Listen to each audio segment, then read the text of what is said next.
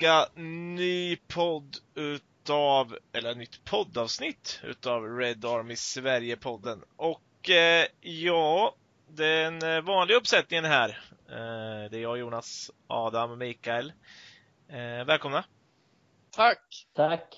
Och sen så byter vi ut Oliver den här veckan och så tar vi in en av våra, ja, våra, det är väl våran nyaste vårt nyaste tillskott här på Red Army Sverige i eh, Elias.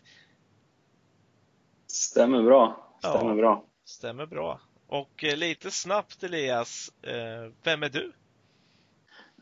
Jag är 20 år gammal, bor i Gävle. Har nyligen kommit hem till Sverige igen efter två terminer i USA. Studerar där. Ja, det är väl typ min dagliga situation just nu. Mm. Straight out of states. Yes. Ja, då har du umgåtts med, vad heter han? Tiger King. Som alla ja, nu i... Joe Exotic och jag, vi är polare. Ja, han, han, kan, han kan ju vara med i podden någon gång då. Ja. jag vet inte vad han skulle fylla för funktion, men han kan säkert bidra med något. Ja, en liten, eh, det var nästan en liten så här eh, eh, ja, tidningsannons för eh, en, en singelkille där som du la ut lite Mm, jag skulle nappat. Ja, men du nappar ju på allt Mikael. Det är lite... Jag nappar på norrlänningar. Ja, det också. Eh, men oavsett, hur är det med er gubbar? Adam, har du haft en bra vecka? Ja, fan det har varit, eh, det har varit bra tycker jag. Det har rullat på. Solen skiner och blandas med lite regn. Det är bra för trädgården tror jag. Nej men det det trädgården, vad fan snackar jag om? det var den veckan så, det. Man börjar bli som trädgården, då har man fått sett för lite fotboll. När jag har blivit riktigt jävla rastlös, då har jag haft för lite fotboll hos mig. Men så kan det vara ibland. Mm. Men humör är fortfarande på topp. Ja, det är bra. Den där känslan av, av att man saknar någonting är ganska stor kan jag tycka. Mikael, då, din vecka varit bra? Eh, den har varit bra. Det är solen skiner här i Malmö som vanligt. Så det, är, det är inget att klaga på vad gäller det. Sen saknar man fotbollen. Och fan vad man börjar sakna fotbollen. Jag tänkte i, idag, helvete jag vill se så här U18, U23, A-lag, allting. Eh, så jävla sugen. Så det är, det är trist. Men annars är det bra. Mm, mm, mm. Elias då? Jo, det, det rullar på. Uh, jag börjar jobba igen idag. Uh, gått hemma i fem veckor nu, så att det känns bra. Det känns bra. Fy fan, fem veckor och utan fotboll och allting också. Vad gör man ja. ja, vad fan har jag gjort? Det, det, blivit en hel, det blivit en hel del kod. Det, sen, äh, hänga med tjejen, familjen, efter att ha varit borta så länge. Så, nej, men det är bra. Snyggt. Eh, ja, nej, det är ju de tiderna det är, men man kanske faktiskt kan glo lite fotboll i helgen till och med. Eh, då eh, det lutar åt att Bundesliga ska spela lite matcher, om inte annat. De har ju fått tillåtelse till om inte annat. Så. Så vi får väl se. De som har tillgång till det kan ju titta på det i så fall. Eh, Sydkoreanska ligan också igång tror jag. Ja, vitryska ligan kan man alltid titta på också. De har väl varit igång hela tiden.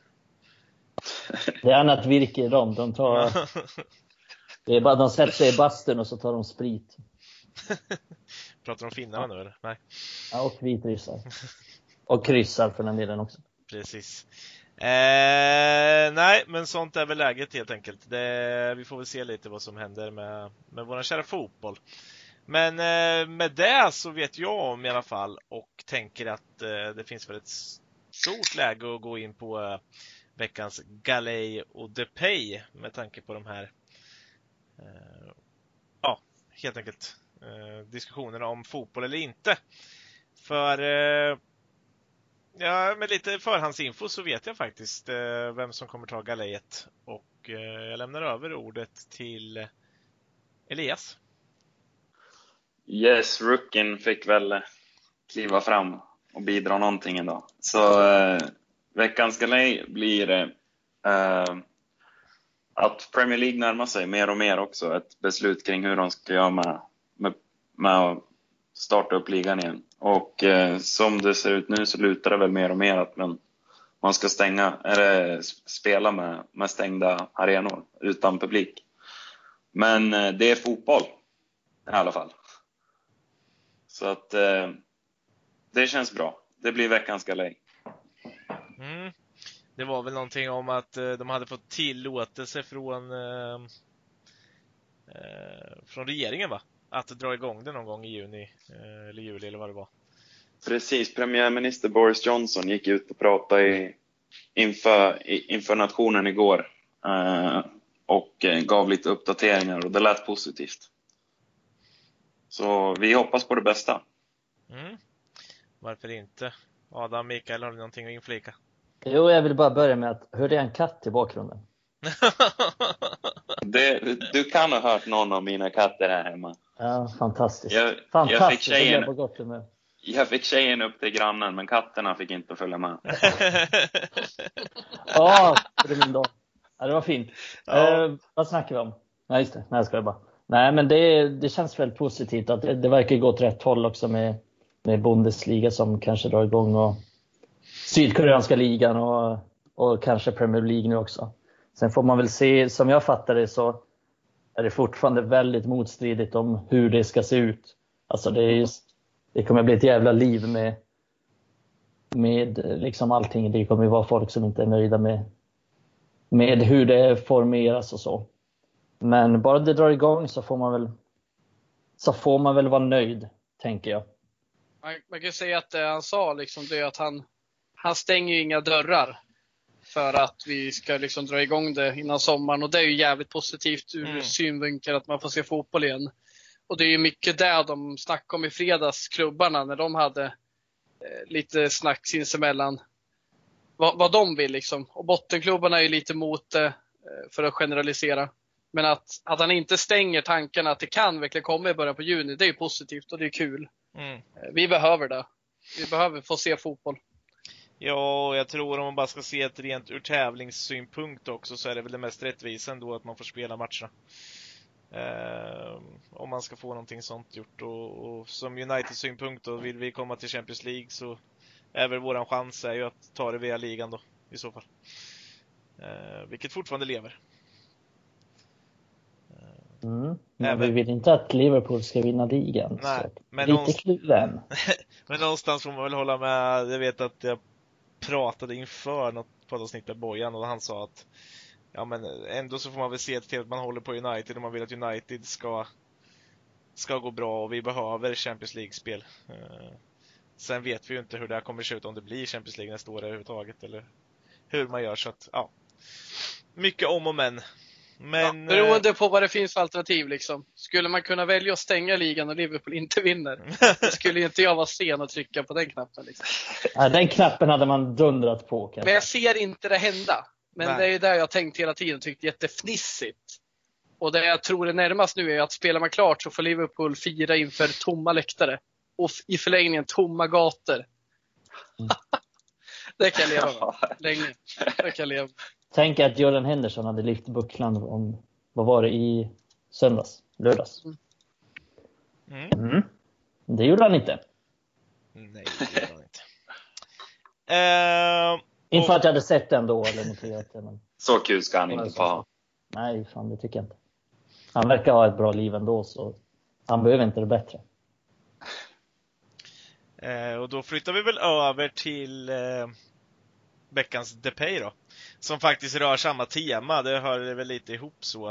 Eh, det kom ju rapporter tidigare i veckan också, i mitten av förra veckan ungefär, om eh, eh, att man har tagit fram vissa regeländringar då från Fifa och så, så att Fifa kan eh, temporärt ge ut vissa dispenser till ligor och så som många har nappat på. Då. Till exempel att de eh, redan egentligen för, för ligor som har klubbat, så har det klubbats igenom redan att man, man får ge ut möjligheten att använda fem avbytare per match.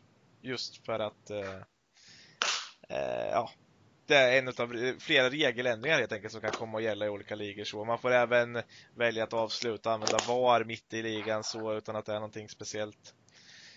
Eh, och lite sådana saker, vilket jag själv kan tycka till exempel här använda just, och det var det jag fastnade vid, använda fem avbytare. Det gynnar ju väldigt mycket lag med, med bra breda trupper helt plötsligt, ännu mer. Mm. Eh, ett lag som Manchester City till exempel, vi får ju ändå medge att de har två elver som är väldigt bra. Nästan i alla fall, eh, två elver. Till skillnad från till exempel om vi tar de här andra lagen och även lag som kommer långt ner så blir det ganska orättvist helt plötsligt för ett, ett Norwich som har problem när de har två spelare borta. Ja, men vi behöver inte snacka bottenlag. Det är en jätteintressant synpunkt. Mm. Liverpool och City, det skulle bli en enorm skillnad på dem. Mm. Liverpool har ingen bra bänk. De sätter in Adam Lallana och Divock Origi. Origi, visst, han avgör några matcher och sådär, men liksom, det är ingen säsong de kan luta, eller en spelare de kan luta sig på. Eh, till skillnad från typ Jesus som de kan ta in i City. Precis. Ja, eh, mm. det är intressant hur, hur klyftorna skulle öka där.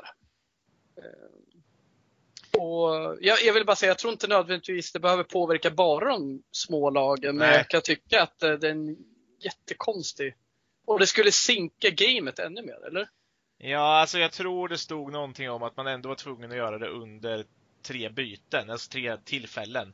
Men du fick det är som i, byten.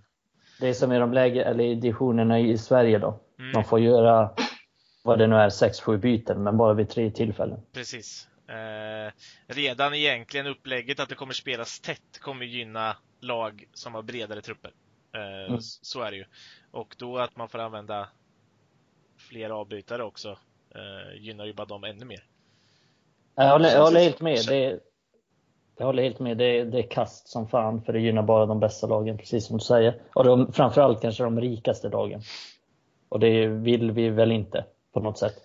Och sen också att det tar bort lite av den taktiska skärmen också. Ja, men du byter. Skärmen är ju ändå att Mourinho gör tre byten i paus. Och antingen mm. går det hem eller så går det helt åt helvete.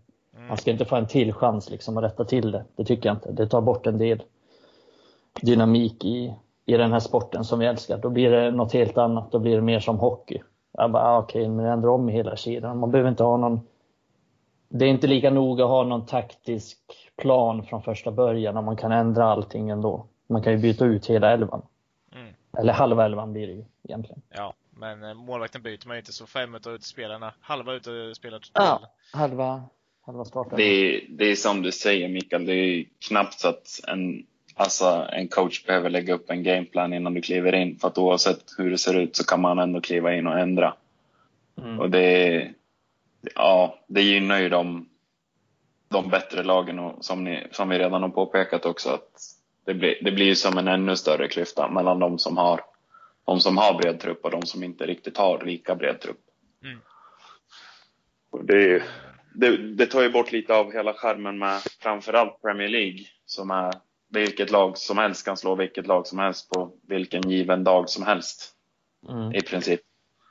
Absolut, och tänk också det här när det står 0-0, United möter Burnley hemma. De kämpar som svin och United bara byter in fem stycken nya. Ja, alltså, det blir Ja, inte för att jag, rättvist. nej, exakt. Och inte för att jag det är inte så att jag skulle tycka att det var dåligt om United bytte in massa och vann mot Burnley. Men ni förstår vad jag menar. Ja. Ja men förstå om Burnley gör 1-0. Det är lite charmen med Sean Dyche fem byten på två minuter. Fem mittbackar kommer in. Ja exakt, det också. Kommer du ihåg bara... när de hade fem mittbackar på bänken? När vi mötte dem? Eller inte när vi mötte dem, men det var mot Chelsea tror jag, någon match innan. Han skulle alltså, fem, fem mittbackar och en anfallare. Han skulle göra så han skulle byta han skulle byta fem stycken. Han skulle göra det vid tre olika tillfällen och de tillfällena skulle vara med några minuters marginal. Ja, precis. Fy fan! Mardröm. Han skulle potentiellt kunna ha liksom nio mittbackar på plan. ja, det, och det. Eh, Ashley Barnes Chris Wood på topp. Ja, någon av dem. ja, nej men i alla fall, det var dit jag ville komma och därför blir det veckans DePay helt enkelt. Eh, jag tror det gynnar inte klyftorna som redan finns, som sagt. Nej, mycket bra. Yes. Uh, ja, då ska vi väl flytta över till det här så kallade quizet. Där har du aldrig varit med innan Elias, men nu ska du få testa på det. Och jag är så jäkla nervös. ja, vi får Det är se. snuskigt nervös faktiskt. Ja, vi får väl se om eh, du, du kan mäta dina krafter med en eh, Mikael i storform, en Adam som har dalat eh, helt enkelt. Eh, och du får jag hoppa in på gästernas poäng då, vilket i nuläget står på 25. Ehm, jag eh, ljög lite i förra avsnittet där för att jag lyssnade igenom då jag kände att det inte riktigt stämde överens alltihop. Men det skiljer sen från 25 poäng skiljer 11 poäng upp till Adams 36. Ehm, då ska vi också säga att gästerna inte varit med hela tiden. Ehm, det har inte heller gått att plocka lika mycket poäng i de första avsnitten som det har gjort i de senare. Och eh, Mikael har ju dragit ifrån Adam med eh, Ja, det var, ju en, det var fyra poäng i avsnittet innan, vilket jag ljög lite om, och så var det tre poäng till i förra. Vilket gör att det alltså är 43 poäng som Mikael har och 7 poäng ner till Adam. Mhm. Eh, Jag har lyssnat, jag har dubbelkollat och eh, så är fallet. Bara för att eh, vara helt säker. Eh, Vi litar på dig. Ja, det får ni fan ta och göra. Annars så går jag och lägger mig. Men! Vi har eh, helt enkelt en eh, litet nytt, en liten ny del. Eh, vi har, eller jag har två egentligen. Det är två grejer man kan plocka poäng i idag. Vi har en sån här ledtrådsspelare. Vi har en idag. Och så har vi en annan här där jag har lagt upp det så helt enkelt att vi har en match som vi kommer fokusera på. I den här matchen så fanns det 18 United-spelare med i truppen. Eh, först så kommer jag fråga eh, vilken vilket resultat det blev. Och där får ni ropa ut eh, ert namn. Eh, helt enkelt. Eh, sen kommer jag fråga vilka som gjorde mål och då får ni också ropa ut namnet och säga vilka som gjorde mål. Eh, och eh, sen kommer jag också fråga vem som fick rött kort i matchen. Så där kan ni plocka lite poäng. Sen så går jag över till det här där eh, truppen så att säga.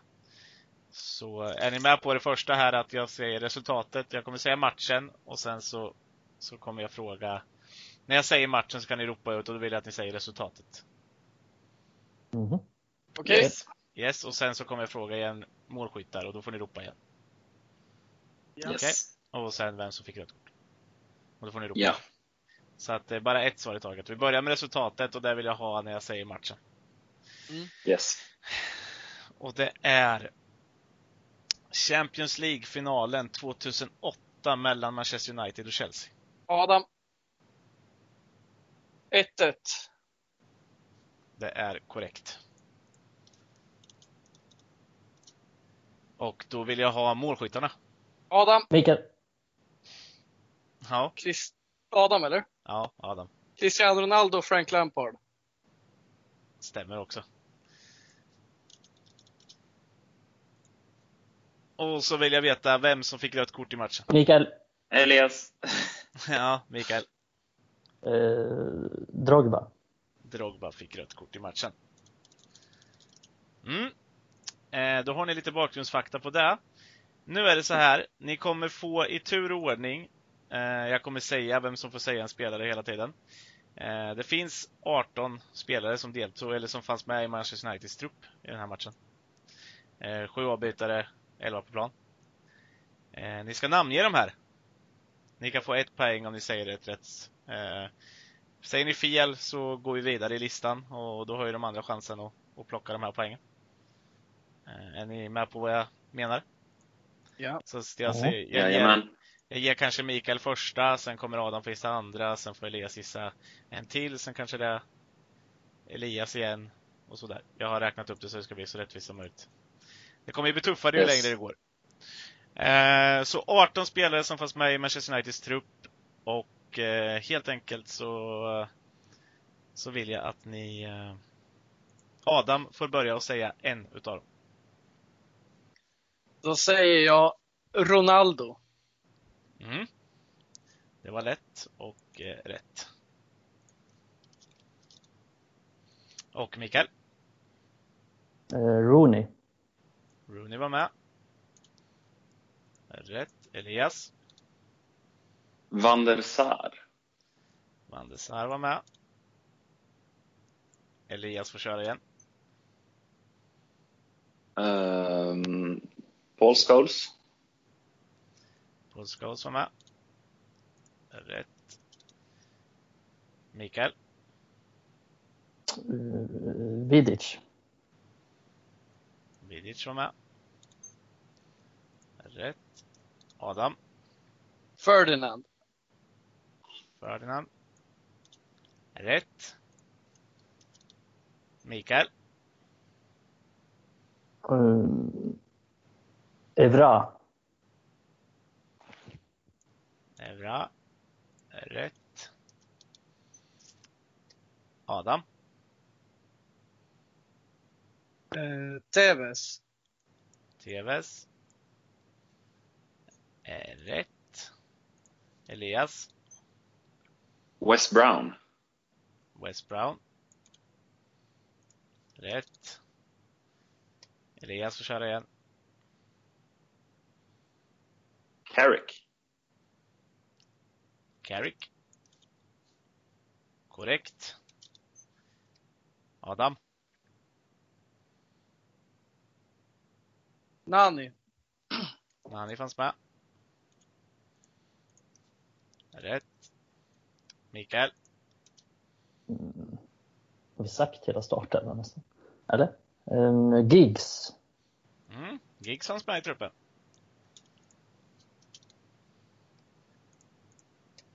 Adam.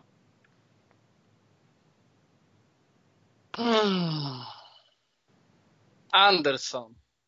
Andersson. Eh, rätt. Alltså Kenneth Andersson. Och sen gjorde han pistol. När han gjorde mål på straffen. Ja. Jag har för mig att Owen Hargreaves var med va? Han var med. Mm. Ska vi se. Mikael. Får man, det- hur många har vi sagt? Är det, eller får jag fråga det? Hur många ni har sagt? Ja. Eh, ni har sagt, eh, ska vi se, vad blir det? 18 minus 4, 14 då? Sex kvar? Nej, Nej, fyra kvar. fyra kvar. Just det, det var bara bänk och...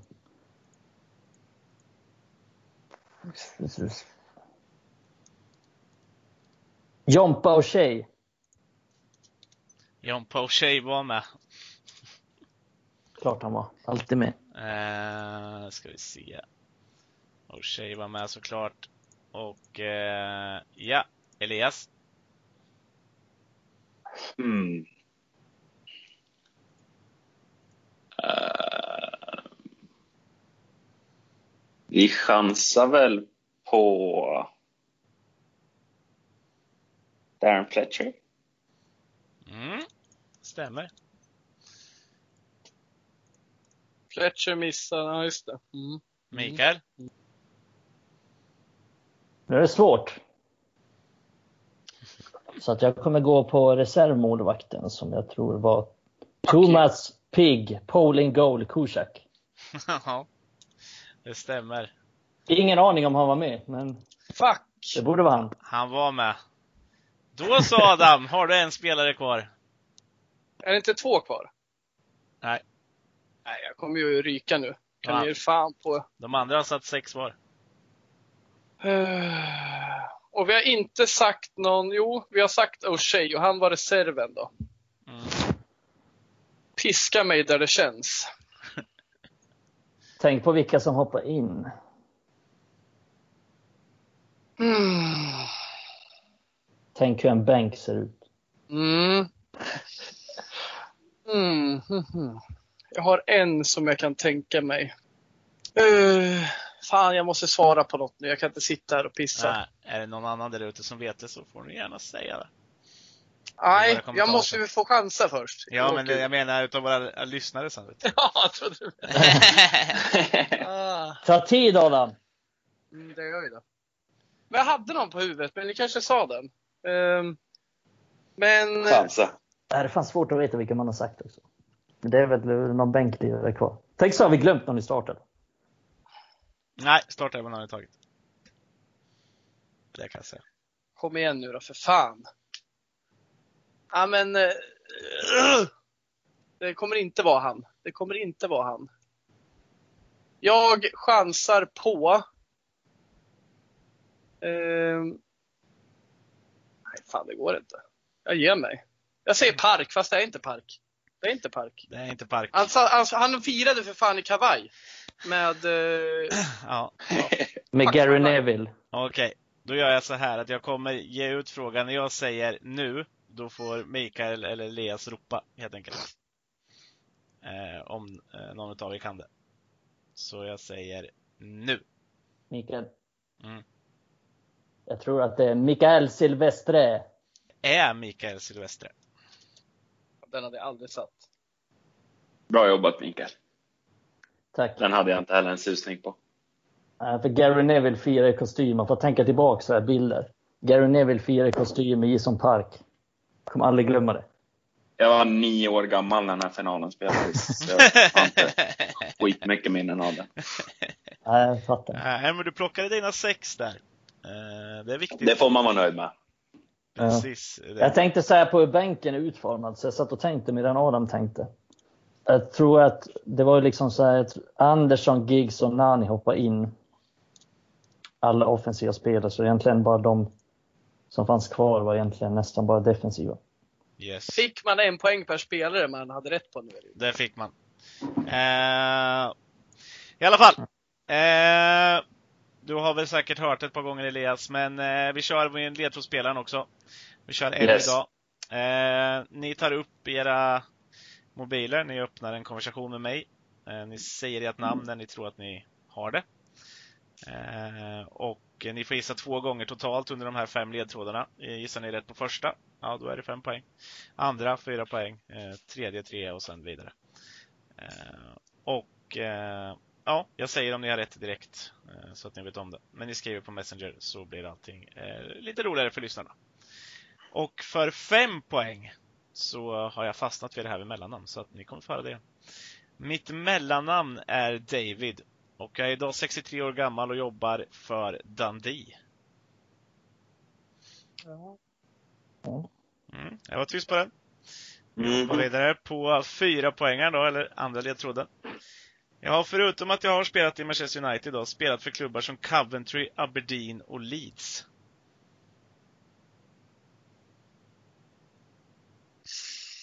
Jag får gissa två gånger, eller hur? Mm. Adam.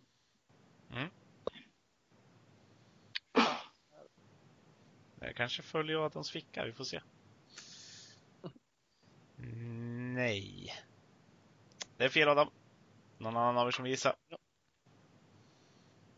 Nej. Nej. Eh, jag kom till United säsongen 1984, därför tre poäng. Kom till United säsongen 1984 och lämnade 1989. Efter att eh, Ferguson läm- lämnade 86 så sa han att jag eh, inte längre var lika bra då jag inte längre var en stjärna i laget. Fan, jag tror jag läste om den här spelaren för typ en vecka sedan, men jag får inte fram namnet. Ja, det är svårt idag gubbar. När jag backar så här långt bak i tiden. Mm. Inte en chansning från Mikael än så länge. Ja, helt lost på den här ska jag säga det. Ja, Elias, har du någon chansning eller? Nej, det står helt stilla. Mm. Eh, jag är för många, äh, för två poäng då. Jag är för många yngre mest känd som tränare. Det har bland annat tränat skotska landslaget innan jag tog anställningen som technical director som jag jobbar nu hos Dundee. Men jag har även tränat lag som Southampton och Middlesbrough. Elias. Mm. Ja, Adam. Mm. Ja, men det där är så jävla fel. Eh, Adam har rätt på två poäng, Elias har fel. Och Mikael har ingenting. Nej, inte just nu. Mm. Fan vad jag blankar på den här. Ja, får vi se då om Elias kan ta det också på sista och Mikael. Adam, du har rätt så du har två poäng. Eh, ska vi se. Då kör vi för en poäng då. Jag spelade inne mitt fältare i Manchester United. Jag är kanske mest känd för mitt tränaruppdrag i Celtic. Eh, och eh, mitt eh, förnamn är samma som en eh, fiktiv karaktär vid namn Flash... Punkt, punkt, punkt.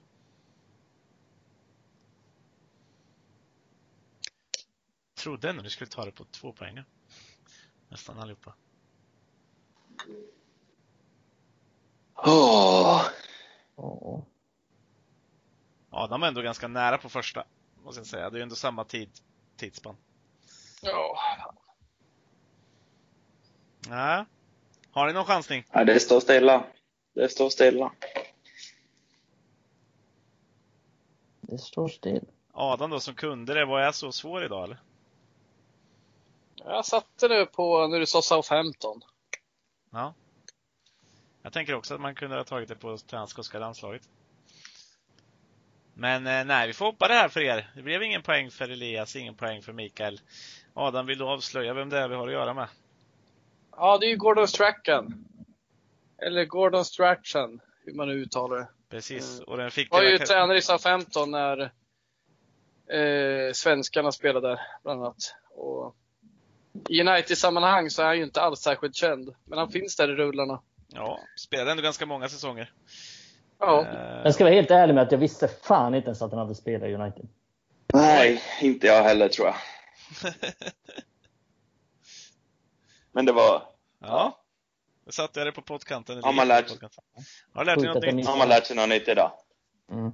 Precis. Jag ja, tänkte ju på honom när att han, alltså jag tänkte inte på honom men vet att han har tränat.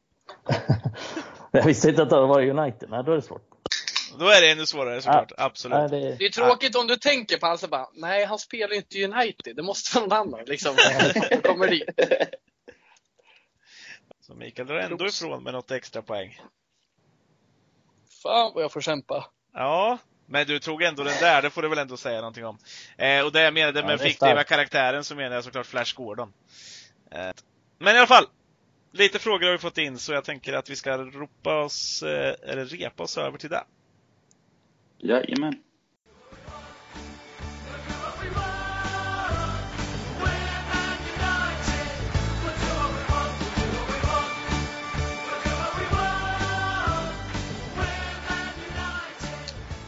Ja, och frågor eh, har det kommit in, eh, ja, ett par stycken i alla fall och eh, vi tackar så hjärtligt för dem helt enkelt.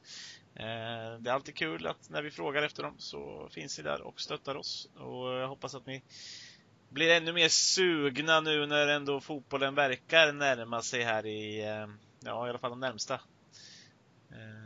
trakterna så att säga i våra liv. Men vi börjar med en fråga som Ja, vi, vi kan börja med att säga att vi bad om frågor som kunde vara ställda direkt till någon av oss här. Och även om vi inte har fått exakt så direkt på jättemånga av dem så, så är de lite mer riktade i alla fall. Och Emil Hassler har väl en fråga som upplagd, eller han har två frågor i en och samma som är som upplagd för Mikael. Eh, Jaså? Ja. Eh, där det står, har ni någon koll på Shola Shore Tire i U18? Som det snackas om. Mhm. Eh, ja, jag har koll. Ja, precis. Nej, men jag tänker väl att, ja, okej, då kanske jag berättar lite. ja, jag tänker också det. Men eh, ja, men det har jag väl. Och det är, det är en intressant ung spelare. Han är lite yngre än de flesta. Han spelar med U18. Man är fortfarande bara 16 år. Han har spelat länge med U18. Han debuterade egentligen i Uefa Youth League som 14-åring. Och det är en U19-turnering. Uefa Youth League är ju typ som Champions League. Fast för ungdomar. Och det är U19 som sagt. Han debuterade som 14-åring, vilket är yngst någonsin i turneringen. Så han har en del potential. Han ofta spelar med, med de högre upp i åldern så att säga. Och han är väl, eh, ja jag skulle säga att han är ordinarie U18 nu och en ganska, en yttermittfältare slash offensiv mittfältare. Jag skulle säga att han är lite bättre som, han är lite bättre centralt för att han är inte en så här snabb och genombrottsstark spelare. Han är snabb men han är inte genombrottsstark. Men han är ganska teknisk och finurlig och gillar att kombinera sig fram och han är en bra länkspelare mellan mittfält och anfall skulle jag säga. Lite som Jesse Lingard är. Nu kommer väl många i Sverige i kyrkan. Jesse Lingard suger! Men Jesse Lingard var ju såklart en av de bästa i ungdomsakademin då. När han var där. Och det, och det är short hire också, lite liknande typ. Så här snabb och som sagt bra länkspelare. Och gör en del mål och gör en del assist också. För han, har, han har tre mål och fyra assist den här säsongen. Inte skitmycket men han har 16 starter eller något sånt. Kanske mindre, 15, 14. Så att det är väl ändå okej. Okay. Och han avgjorde en match nyligen i, när det gällde som mest i FA Youth Cup. Så att han, han kan blixtra till när det behövs som mest. Men det är en spännande spelare. Och en kul grej med honom det är att han har, han har redan, United är väldigt rädda nu. Jag skrev en sak på Twitter om det bland annat. Det är mycket att framförallt tyska lag kollar mycket på engelska talanger. Jag läste en intervju med Thomas Hitzelberger, den gamle hårdskjutande tysken. ja. Jävlar vilken vänsterkanon han hade. Ja, det... han, är, han är sportchef i Stuttgart nu. Och han berättade i en intervju att nästan alla tyska lag kollar mot England för unga talanger för att England har en av de bästa talangutvecklingarna just nu. Men också lite Fifa-regler kring det. Det är, det är ganska enkelt att locka över dem. Och det har vi sett ganska mycket bevis på. Och Short Tire är såklart en sån som, som alla håller koll på. Så United har redan han har redan eh, muntligt kommit överens om att skriva på ett proffskontrakt när han fyller 17. Och han har ganska precis fyllt 16. Så ja, det är ganska anmärkningsvärt. United brukar inte direkt göra så, men det, de är redan muntligt överens och han kommer skriva på ett, ett proffskontrakt när han fyller 17. Men som sagt, han är fortfarande bara 16 år. Mm. Uh, samtidigt så, du säger att United inte brukar så, så om tiderna förändras och de snor åt sig ungdomarna så måste väl United ändra på sig också. Mm. Nej, det är en del spelare som det fanns ju en spelare förra året som hette Mipo Opeduko som lämnade för West Ham. Och han spelar i West Hams U23-lag nu och har gjort en del mål där. Och det, han är väl också 16-17 år. Men såg väl inte riktigt en framtid i United med Greenwood och så vidare före. Så att det är klart, det, det finns många bra spelare. Det är många som ser sig om för att det är ganska hård konkurrens. Och Lachi Ramazani är väl en sån spelare som leder den interna skytteligan i Uniteds U23 men som kanske inte riktigt ser en framtid i United eftersom det är ganska många före honom. Så att han är väl en sån som tvekar lite om man ska förlänga. Och det pillar på en av mina favoritledare i U23. mm. Nej men så, så, att det är klart, United vet ju om det här och så, så man försöker göra allt för att behålla dem. Och det är väl rätt? Mm. Absolut. Uh, ja, jag tycker nästan vi kan nöja oss med det svaret på den uh, frågan. Uh, och ge dig chansen och även kanske de andra chansen här. För Emil Hasser ställde även en fråga till. Eh, lite om att eh, Ethan Laird, om han är redo att vara andra val bakom Aaron van Bissaka om Dalot lämnar. Mm, eh, det skulle jag säga. Det har, vi, det har vi pratat lite om. Vi har varit inne och petat på det lite tidigare här i podden. Men det skulle jag definitivt säga att han är för att jag tycker att han borde få spela före Dalot. Det är min åsikt det. Men det största problemet med Ethan Laird är att han är skadad så ofta. Och med tanke på det så är det ju svårt att säga. Men om vi leker med tanken på att han är frisk, kry, fortsätter att utvecklas, absolut ingen tvekan som helst hos mig. Nej, och det där har vi varit inne på. Jag är lite sådär det är väl inte bara frågan om Dalot lämnar. Jag ser ju inte jättemycket ljusning hos Dalot överhuvudtaget. Nej. Nej, men Laird har talangen för att göra det. Och, nej, det är bara skador som hindrar honom och skador kanske hindrar honom. Men jag skulle säga att han har en bra chans att definitivt vara reserv. Men också till och med utmana honom i framtiden. Mm. Det, är, det är som du säger Mikael, alltså skador, Ethan Laird, absolut, men det är ett av de stora problemen Diego Dalot har, kom, har haft sedan han kom till United också. Mm. Uh, Dalot har inte varit helt hundra så jätteofta. Uh, och med det i åtanke, dessutom om det snackas en del kring att Dalot eventuellt ska lämna, så Då tycker jag absolut att man ska satsa på Ethan Laird. Utan tvekan. Mm. Mm. Eh, och, och det, det, är väl, alltså det är väl värt att, att, att chansa på en yngling istället. Vi tycker väl att det har gått ganska bra för Brandon Williams då på andra kanten. Och som du har sagt innan eh, Mikael, som jag ändå litar på dig på de här orden, så, så har väl Laird varit en bättre spelare. Det var väl han som petade Williams från högerbacksplatsen i, i ungdomslagen. Ja, Laird har ju alltid sett som en större talang och är faktiskt ett år yngre än Williams också. Så ändå har han setts, ändå har han gått före. Om vi säger, om vi kommer tillbaks till Uefa Youth League så har ju eh, Ethan Laird spelat där, alltså gått före Brennan Williams där, fast han har varit yngre. Så att, ja, han har alltid sett som en större talang än Brendan Williams. Så att det är ett stort löfte, men som sagt, skadorna har hindrat honom. Ole nämnde honom vid namn redan för ett år sedan. Att han är en spelare som kommer komma upp, men skador har stoppat honom från att, att spela mer än några... Han har väl gjort två matcher. Mm. Och båda i, i Europa League. Och då tyckte jag han var bra. Yes. Men sen måste han hålla sig frisk också. Det är väl viktigt. Det är viktigt för alla spelare oavsett. Uh, ja. Adam håller sig i bakgrunden, men det är okej, okay, tycker jag. Uh, du får flika in om du vill. Uh, Är du kvar Adam? Ja, men jag är inte sen att flika in, det vet ni. jag, jag sitter bara och njuter, det är bra info. Mm. och jag tänker vi fortsätter på ungdomsspåret då eftersom de verkar intresserade här och Mikael, du får väl du får vara med och, och tampas här Kul. igen.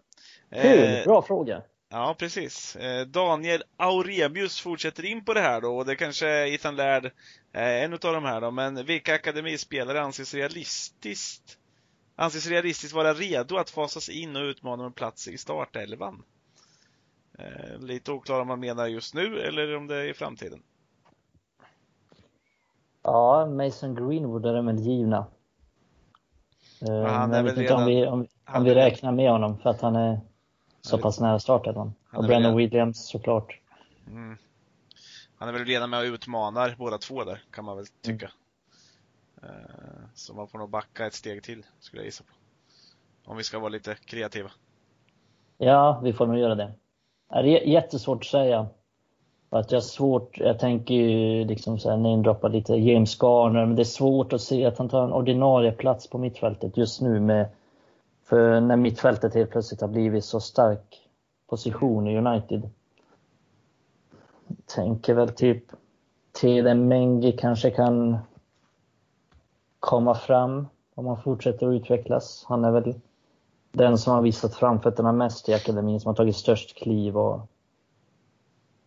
som man är mest spänd på just nu. Mm. Kanske bland akademispelarna. Ja. Det, nej, det, det, det är tufft att ta en plats i, liksom, om man ska säga så här, gå in i en startelva i Manchester United. Det är inte många ungdomar någon, någonstans i hela världen som gör det. Kartan har ju ritats om också på sex månader. I, i november förra året hade vi säkert suttit och nämnt både Gomes och Garner. Just för att vi har saknat en tia innan Bruno kom in som levererar. Och vi har saknat faktiskt kompetens centralt, i alla fall formmässigt, innan Fred och Matic började kliva fram. Eh, det var McTominay som fick oss att höja på ögonbrynen innan årsskiftet och sen när han blev skadad har ju Matic klivit fram och Fred har ju varit bra även innan. Höjt sig som fan den här säsongen. Men just nu när folk är i form och sådär. Vi har en tia i Bruno och mittfältet, det är svårt att tajta in sig på ändå nu med Fred, Matic, McTominay för Garner då. Så Mm. just startelvan är ju tuff, men det är väl i min mening många som kommer kunna trycka in sig i spelartruppen. Just Mm. för att vi behöver göra oss av med en del lirare i sommar. Vi vill Ja, kunna ta in Gomes istället för Pereira. Vi vill kunna ta in kanske bättre Garner istället för Pereira och så vidare. Mm. Mm. Precis, det är ju lite skillnad på startelvan och truppen. För i truppen kommer det vara många som kan ta sig in. Men sen startelvan, då är det tufft. Har vi de bästa tillgängliga, då har vi en väldigt bra startelva. Precis. För att om vi tittar så, Adam nämner inte ens ett frågetecken som Paul Pogba som fortfarande faktiskt är en Manchester United-spelare så att Vi, Mm. vi får ju fortfarande se någon sån där tills eh, någonting annat eh, motbevisas. Men det gör det ännu tuffare för spelare för att vi nämner Garner, men vi har ju också en Dylan Levitt som, som Mm. också är där bakom. Det är väl därför jag nämnde Tede Menge, för att jag kan se att Victor Lindelöf inte är opetbar. Mm. Så Och Tuan Sebe är frammen- skadad mycket. precis, från CV skadad mycket, Bailly skadad mycket. Mm. Rojo, vet inte fan vad som händer, bryr mig inte heller. Ehm, så att det, där finns det ju någon slags öppning, men jag tror att det är lite för tidigt för Mengi just nu. Men säg om två år och han är kvar och fortsätter att utvecklas, då tror jag att han är, kan slå ut Victor Lindelöf. Absolut. Mm. Men inte Men- just just nu. Hur ser det ut med, med målvakter i akademin? Kova Du som har lite bättre koll, Mikael. Jo, men det är, en, det är en jättestark position i United på ungdomssidan, men också den svåraste positionen att slå sig in i. Dels för att Ja, ske genom åren. Även om man inte är just i detta nu så har jag ändå, får man ändå säga att de Gea de senaste tio åren är, eller sju, åtta åren, sex, sju åren, är en av de bästa målvakterna i hela världen. Oh, Så ja. att, och sen har vi Dean Henderson som är utlånad.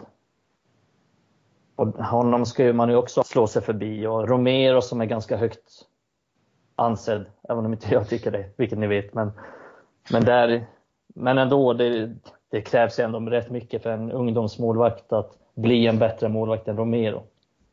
Så att, Oh, ja. Men eh, Matte Kovar är en väldigt bra ung målvakt. Som är i För han, han har varit med på läktaren några gånger, va? Ja, Mm. det har han. han har, det har han definitivt. Satt han inte till och med bakom Grant när vi var i, i Astana? Han stod väl i mål då? Grant stod i mål. Grant stod i mål. Okej. Men jag tror Grant, och Kovar satt på bänken. Ja, så borde det vara. Jag kommer inte ihåg om Jag ja. tror det var Kovar. Jag är nästan säker. Mm. Men, ja, Nej, men det, är- om det var någon ungdom så var det ju han. ja han är kommer inte precis. ihåg om... Men Det jag, borde vara han då. jag tror det var han. För det var inte de Gia och det tror inte det var Nej. Romero heller. Nej, det var nog han. Det var nog. För det var ju, det var ju bara Grant av de äldre egentligen som följde med. Det var han som satt och drack whisky med Mike Phelan. Jaha, precis. Eh, Ni kommer ihåg det avsnittet Whisky med filen. Eh, Men så var Lingard med och Luke Shaw va? Eh, Ja, de drack definitivt ingen whisky. Nej, Jesse Lingard har aldrig smakat whisky hela sitt liv.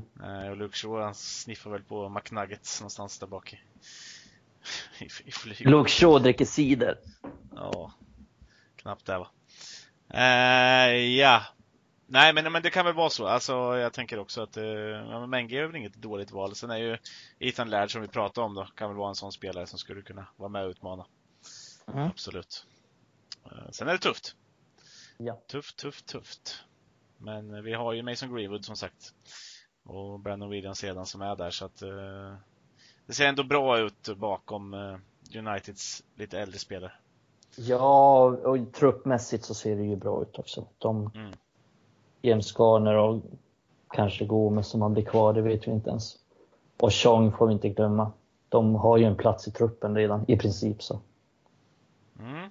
Så det är ändå, de kommer vara en del av den. Yes. Ja, nej men då tar vi nästa fråga. Eh, och den här ställdes till eh, alla fyra ganska öppet. Eh, Anton Knocke, tror jag man kan säga. Eh, skrev, vad är det slutgiltiga målet med RAS, alltså Red Army Sverige? Var vill ni att gruppen ska vara om x antal år? Hade varit intressant att höra om era drömmar och mål med detta. Ja, det är en intressant fråga. Ja, det är det faktiskt. Ja. Vi jobbar ju ett gäng fråga. skribenter för att eh, liksom Eh, beröra alla följare och vi jobbar hårt varje dag för att liksom eh, fortsätta utvecklas. Vi vill ju bli större hela tiden och vi tror väl att om vi kan jobba hårt och få fram våra åsikter och våra tankar så kommer vi kunna bli unika. Eh, vi, vi sprider ut nyheter om klubben i våra hjärtan, men vi anser att just våra åsikter, våra krönikor, våra tankar det är det som får oss att slå liksom. Och att vi är en familj inom RAS. Följarna får sätta sin prägel. Vi har ett kommentarsfält som håller en jävligt god ton, vilket vi jobbar för. Och man ska vara trygg när man är med i RAS. Det ska liksom inte kosta för att följa oss. Eh, det är vi som skriver på RAS. Vi som är med här i podden. Vi är ett gäng till som jobbar hårt. Men det är ändå följarna som får oss att ticka. Och det är där vi vill. Vi vill att det ska vara kul att läsa om United. Men det handlar inte bara om nyheter, det handlar om våra tankar och er följare då. Och det vi har gjort genom åren och dagarna som gått, det är att försöka bredda vår leverans. Vi ökade omsättning av inlägg på Twitter för att nå ut snabbt med nyheter. De som är sugna på nyheter ska kunna gå in på Twitter och snabbt få det nyaste. Där vi även har mycket fokus på ungdomarna. Vi har våra fredagskrönikor som vi är väldigt stolta över. Och där vi får både ut väldigt mycket god info om United men även våra åsikter. Och den blandningen tror vi på.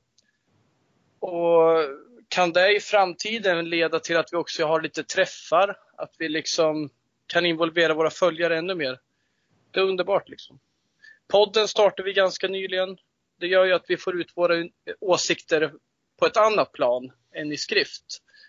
Och ser det även som ett perfekt sätt att eh, integrera följarna som får vara med och bestämma innehållet. Men eh, ja, vi är tacksamma för alla som följer och vi, vi, behöver, eh, vi behöver er för att kunna driva den här sidan och därför gillar vi att hålla i tävlingar där ni kan belönas för ert deltagande. Liksom. Och så kommer det fortsätta vara. Vi jobbar hårt varje dag och vi älskar det vi gör. Med United som gemensam nämnare. Mm, jag har ju varit med i en del olika organisationer och så här, frivilliga organisationer och sånt där man skriver och håller på och tjoar. Men jag har aldrig varit med i någon som har så bra stämning och har så kul tillsammans som vi har. Så att det är absolut, det är liksom så här, vänner för livet. Så det är inte bara att vi skriver ut allt det utan att vi liksom har kul tillsammans när vi gör det och det tror jag är viktigt också att, att det smittar av sig och det, kan, det hoppas jag att ni känner av, ni som lyssnar på podden, att ni märker av den kemin som vi kanske har. Som jag tycker, upplever att vi har i alla fall. Så det ser jag också som en viktig sak. Absolut. Det är ett mm. villkorslöst jobb mellan oss för att upprätthålla en god kvalitet. En höjd, men även en bredd på sidan. Vi håller mycket inlägg på Instagram och Twitter. Varje vecka kör vi ut podden. På Facebook, där vår kärnverksamhet är, får vi ut inlägg, krönikor, analyser på rulle liksom. Och det, det gör vi för att jag älskar det. Och respons vi får från era följare är ju magisk. Ni har ju mm. varit med och hjälpt oss. Ni har varit med i tävlingar och ni, liksom, vi är en familj. Ni är en del av oss. Och mm. det driver mig liksom, jättemycket. Och jag är väldigt stolt över vilken fantastiskt fin nivå vi håller i kommentarsfälten. Där det kommer ut extremt bra åsikter, men att man även visar respekt för sin, eh, sina eh, medverkande, liksom. andra i kommentarsfälten. Jag skulle säga att det, det är det bästa jag sett, det kommentarsfältet vi har. Och det är ni som gör det, följare. Och vi jobbar hårt för det. Det är viktigt med trygghet. Mm. Ja, det är ju om jag ska säga mitt ord bara så som jag har känt av sen jag kom dit. Det är ett idealt, en ideal ja, produkt egentligen som bara drivs av ren kärlek för ett specifikt ämne och, och den ynnest att få, få delta i sådana här eh, och, och, och, att vi alla, vi alla vill åt samma håll och vi vill, vi vill ge alla det vi kan och det vi, det vi har att ge helt enkelt. Och, och den, den kärleken är svår att hitta på, på många andra ställen. Så, och det är väl det som är själva storheten i sådana här eh, konstellationer överhuvudtaget. är ju att vi alla på något sätt har en och samma kärlek och det är Manchester United. Mm. Eh, och det är ganska inte... Ja, förlåt att jag avbryter. Nej, det är lugnt. Eh, nej, jag ville bara säga det egentligen. Och att eh, vi vill ju att egentligen min, min vilja är att jag ska kunna ge så mycket till till andra och, och det genom att göra det med den här gruppen är, är, är lätt och utvecklande skulle jag säga. Eh, I, i, i få ord. Mm. Och sen kan man ju också säga att ja, vi har ju ganska lättsam stämning här i podden och det blir lite, vi kan skämta lite och så men internt så är vi väldigt, jag skulle säga att hela gruppen är väldigt drivna och det är ganska många liksom så seriösa diskussioner och heta diskussioner. Hur ska vi nå framåt? Hur ska vi, vad ska vi fokusera mest på? Där folk liksom, nej men vi har alla starka åsikter individuellt men sen jobbar vi såklart tillsammans och kommer fram till någonting. Men det är väldigt mycket diskussioner, vad vi ska göra, vad vi ska fokusera på och så vidare. Och så vidare. Och det kan väl jag känna, till exempel jag skrev en krönika om Jimmy Davis som gjorde två A-lagsmatcher någonsin i United. Och så att vi, vi lyfter ganska mycket saker som kanske inte lyfts annars. Och man lär sig så sjukt mycket av det. Mm. Så att det, det, hoppas jag att det uppskattas, att det, det alltid finns någonting för alla, så att säga. Det, det har jag även känt också som, är, som en ja, men, nyaste gänget, så att säga. Uh, att man kom in och, och det enda man, alltså, enda man fick höra det var, det var feedback från alla håll och kanter, både positiv och en del negativ feedback, fast ändå med, med lite konstruktiva grejer. Eh, och eh, det är väl det alla, ni, alla, följare, alla våra följare också bidrar med, att vi, vi har en hel, vi får höra vad vi gör bra och vi får höra vad vi kan bli bättre på. Och det, det är jäkligt givande att, att få vara med i ett, ett så pass härligt community som, som vi alla är på Red Army Sverige. Både vi, vi i teamet som skribenter och alla ni följare.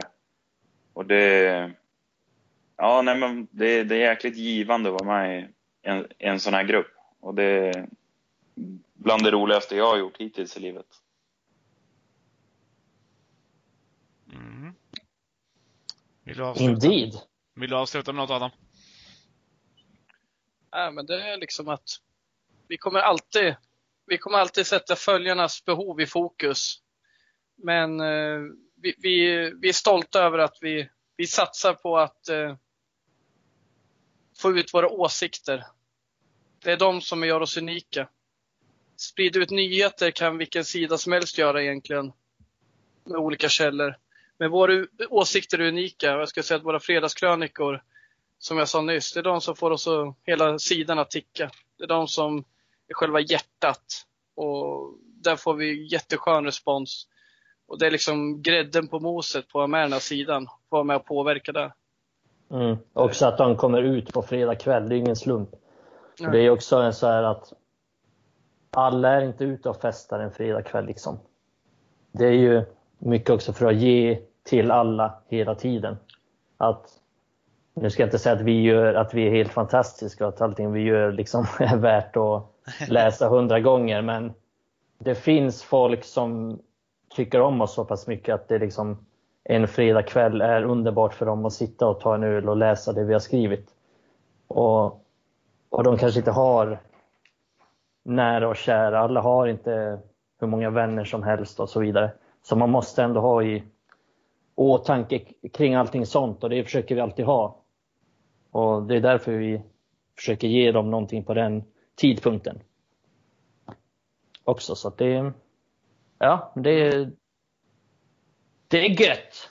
Det är, det är gött. Det är gött att vara med. Och med det sagt så, så kan vi väl säga att vi inte kan få nog av konstruktiv kritik ändå. Vi, vi tar gärna emot det. Eh, om vartannat till oss. Eh, antingen via Facebook eller alltså PM eller vad som helst. Det är bara att skriva till oss.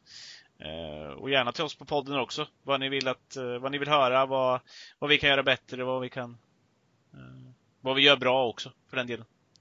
Eh, det är alltid välkommet och det är på något sätt ändå via er som vi kan utvecklas till någonting eh, eh, ännu bättre i så fall. Absolut, så var vi... inte rädda för att säga vad ni tycker. Precis. Ska vi ta den sista frågan också? Eller vad tycker ni? Ja, det gör vi. Vi kör. Eh, Patrik Gustafsson eh, har ställt till Elias. Först skriver han tja. Sen skriver han Elias. Trevligt. kan ju få bita i hur mycket coronapandemin kommer påverka transferfönstret. Är miljardaffärer ett minne blott nu? Oj, tuff fråga. Mm. Välkommen in i gänget. Men ja, alltså jag tror det, jag tror att till att börja med så kommer transfermarknaden absolut lugna ner sig en hel del. Framförallt med de här enorma summorna som har, som har utvecklats sen, ja men i princip Pogba gick till United. Uh, så började det dra iväg där och sen Neymars rekordaffär till, till PSG. Så just, just de här summorna på en och en halv, två miljarder för att få riktigt bra spelare, de tror jag kommer dyka ner lite grann. Mm. Uh, tro, åtminstone vad jag tror. Jag, det är svårt att säga exakt, men just med tanke på att det är så mycket intäkter som, som storklubbarna kommer gå minus så är det så är det, det påverkar ju även transfersummor. Eh, och jag läste någonstans att eh, KPMG, eh, Football Benchmark, hade en rapport som de skrev att eh, den uppskattade intäkts intäktsförlusten i de stora fem ligorna i Europa kommer passera ungefär 4 miljarder euro. Och det är, det är mycket pengar. Uh, och en hel, en hel del av de pengarna är förmodligen transferpengar också. Uh, även om mycket av det går till klubb, klubbunderhåll och uh, liknande. Mm.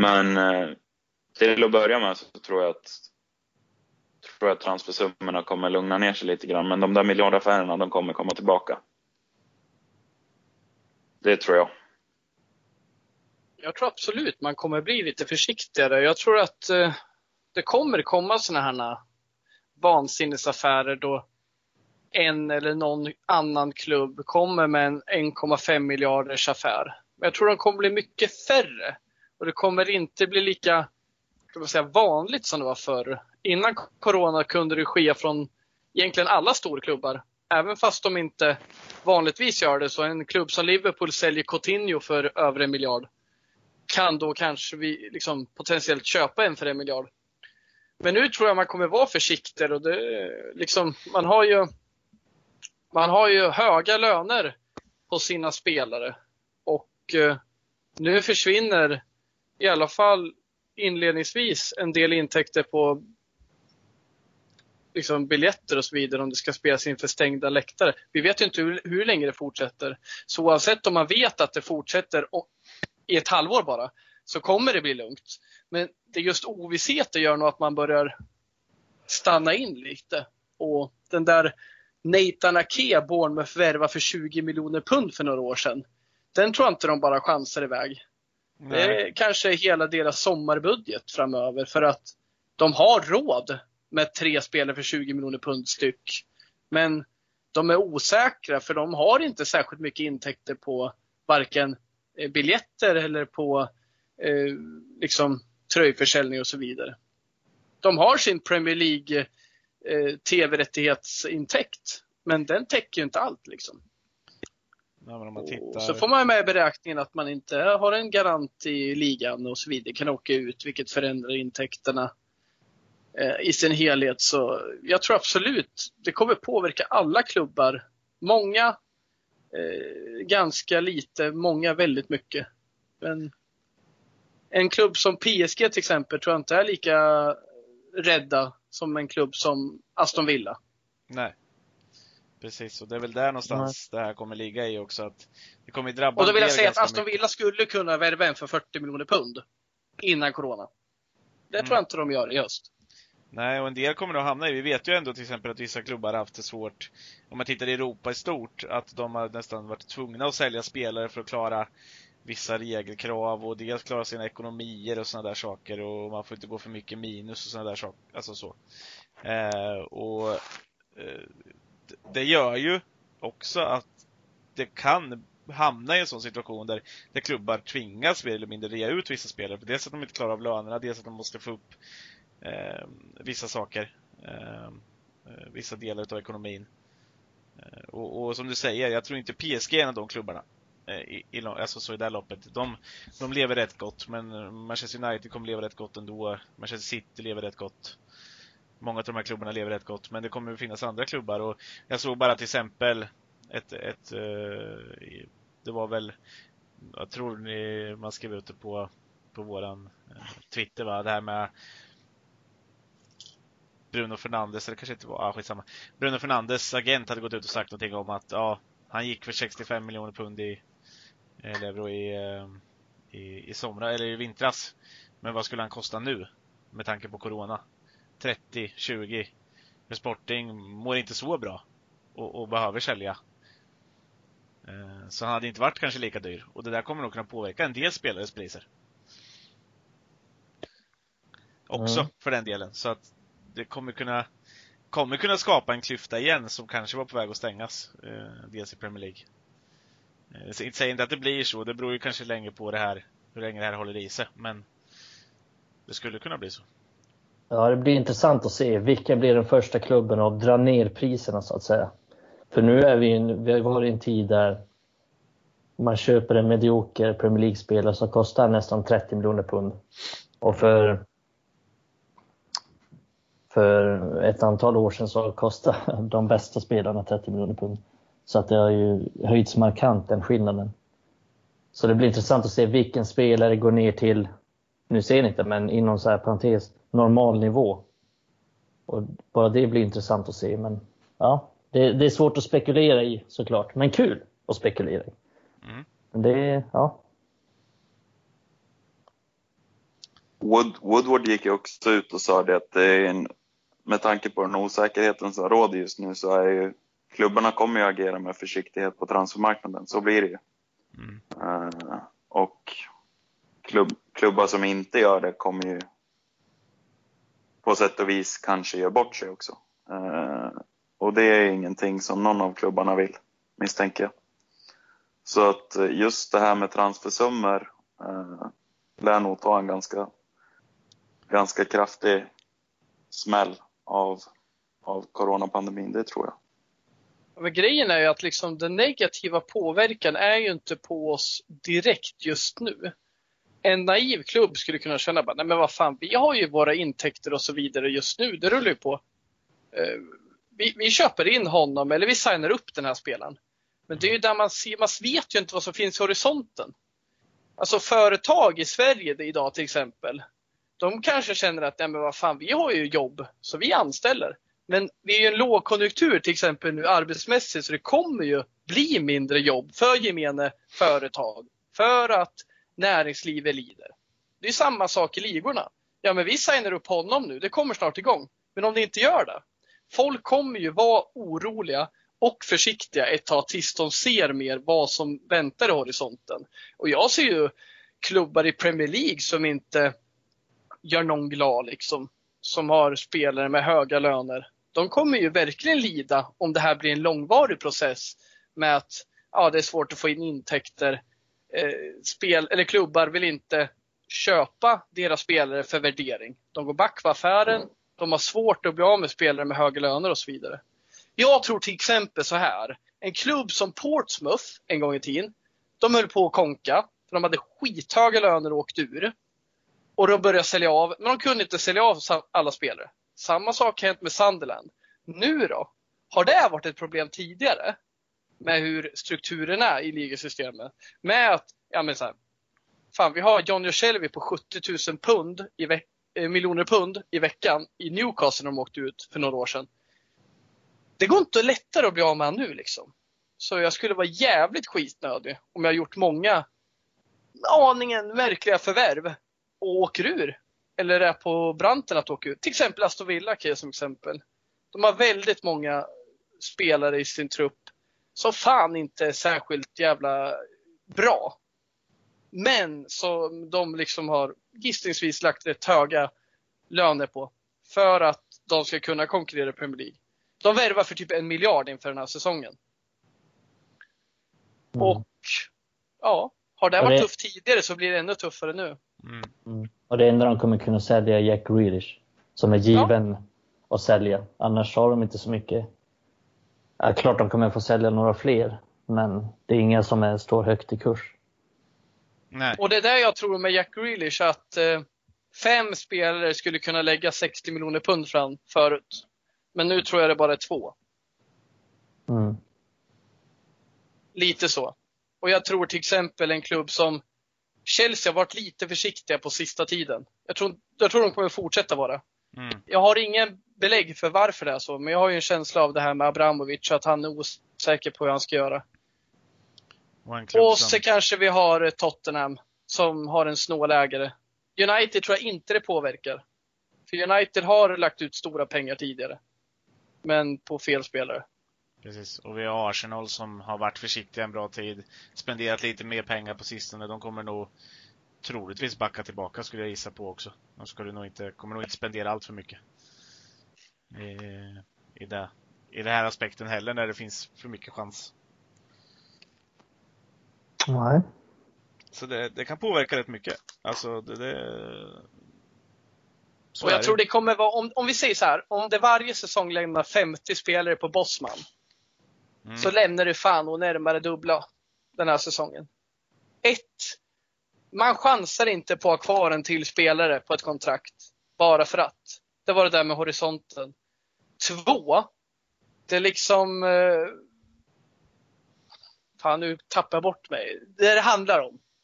Vi, vi, liksom, vi har spelare som... Eh, man, fan, man vet inte vad man vågar göra med dem. De kommer få lämna liksom. Mm. Ja men du, nej, men vi har ingen riktig plan för dig. Då ryker du. Förut då kanske det var ett år till. Och det, ja, jag vet inte vad det innebär riktigt, men jag tror man är försiktig med sin löne, lönebalans nu. Det är man. Och då rankar jag inte in de rikaste klubbarna, och rankar in gemene klubb i Premier League, för det är stora klyftor. Är du från sjuan och neråt, då har du inte jättemycket pengar jämfört med de andra. Även fast du i relation till andra ligor är rik. Mm. Everton är rikare än Torino och så vidare. Absolut.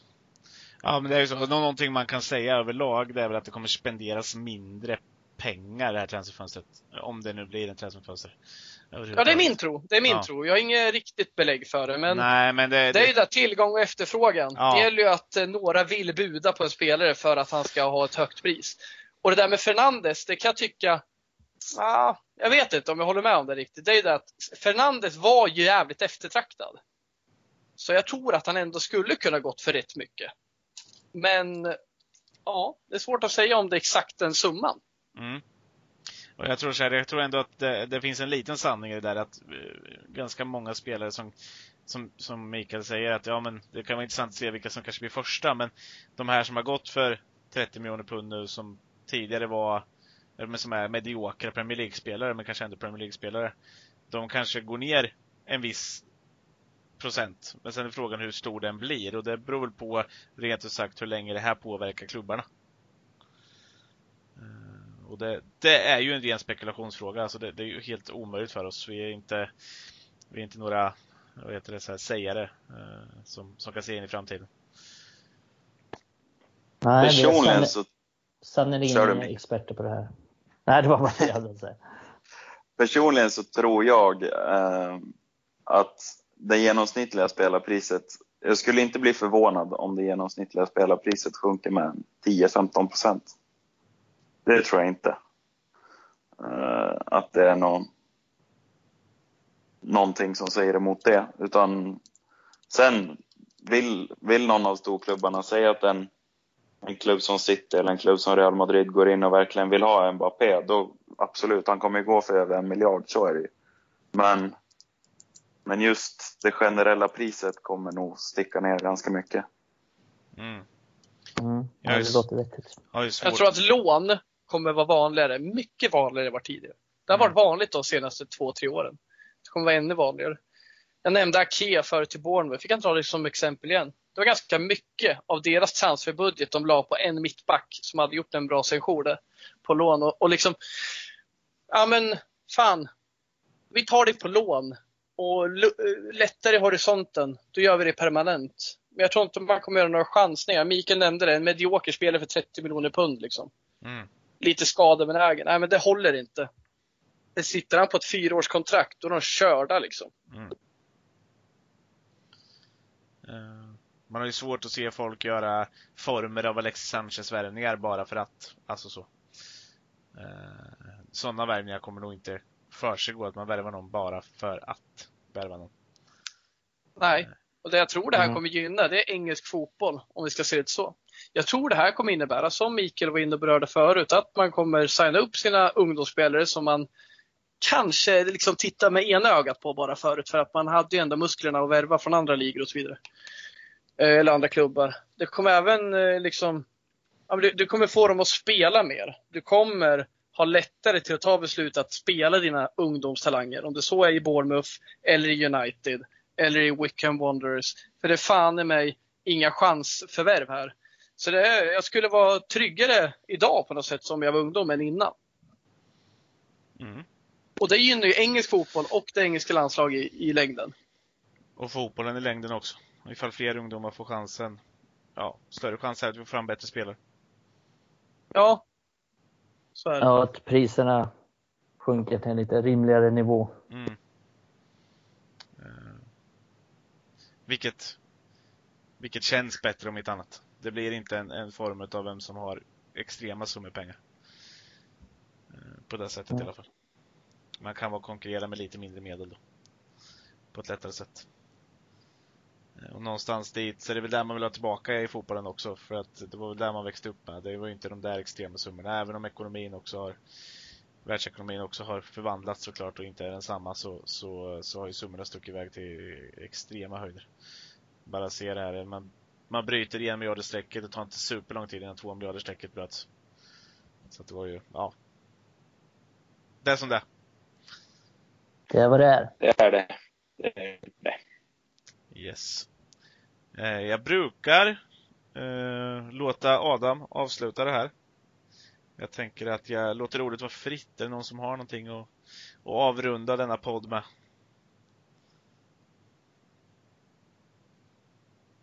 Uh, ja. Jag hoppas att Elias hade rätt med att vi får se mer fotboll snart. Ja, det vore skönt då att Premier League drog igång och att Liverpool inte vann ligan. Det vore det optimala. Då vill du ha den där regelförändringen som gör att City kanske har en chans då? Eller menar du att de förlorar varenda kvarstående match? Ja, det skulle inte vara dumt. Nej, det skulle inte vara. Det hade jag skulle ju ljuga om jag säger att jag vill dra igång ligan för att se Liverpool vinna liksom. Det är ju äckligt. ja. Ja, herregud. Det, det hade, ja. Men fotboll behöver jag. Ja, det behöver vi snart. Det är, det är väl det vi hoppas på mest av allting. Vi vill ha tillbaka fotbollen. Uh... Kommer aldrig mer ta en match för givet.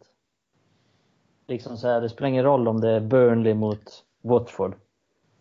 Kommer aldrig mer ta en match för givet. Precis. Spelar ingen roll om det är U18 borta mot uh, Derby. Det, det, är ändå, det är ändå fotboll och det är det vi lever för, eller det är det vi älskar.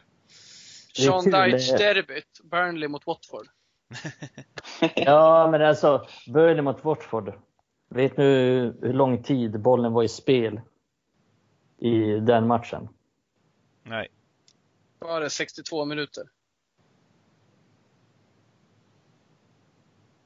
Eh, nej.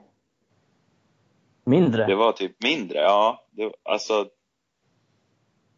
42-45 någonstans. Precis, det var 43 och 39 som bollen var i spel. Mellan Watford och Burnley på Wizards Road. Hur många gånger stod Deitch och skrek med händerna runt munnen? Ja, det gör han alltid. Det är hans adelsmärke, den jäveln. Mm. Ja, men det är kul. 43-39. Herregud. Ja. eh, det är inte ens en halvlek. Men, eh, hörni grabbar. Jag vill tacka er eh, för eh, den här podden. Eller det här avsnittet. Tack eh, själv. Adam, Mikael, ni är alltid lika Tack. trevligt att ha er här. Och eh, Elias, otroligt roligt att du vill vara med oss idag. Vi bjöd Självklart, på en, det var kul att vara med. Eh, en matchlängds poddavsnitt idag. Fick ni känna på. Och det bjuder vi på så här i coronatider. 43 minuter menar du? Ja, precis. jag ska, måste, jag, måste jag klippa mycket här kan jag säga. Nej, men hörni, tack så mycket. Jag hoppas att ni gillar det här. vi återkommer såklart nästa vecka Eh, glöm inte att följa oss på Spotify. Glöm inte att följa oss på eh, Acast eller Soundcloud eller iTunes eh, podcaster om ni lyssnar på oss där. Eh, och såklart eh, följ oss på Facebook, eh, följ oss på Instagram, följ oss på Twitter. Så eh, hörs vi nästa vecka. Bye bye!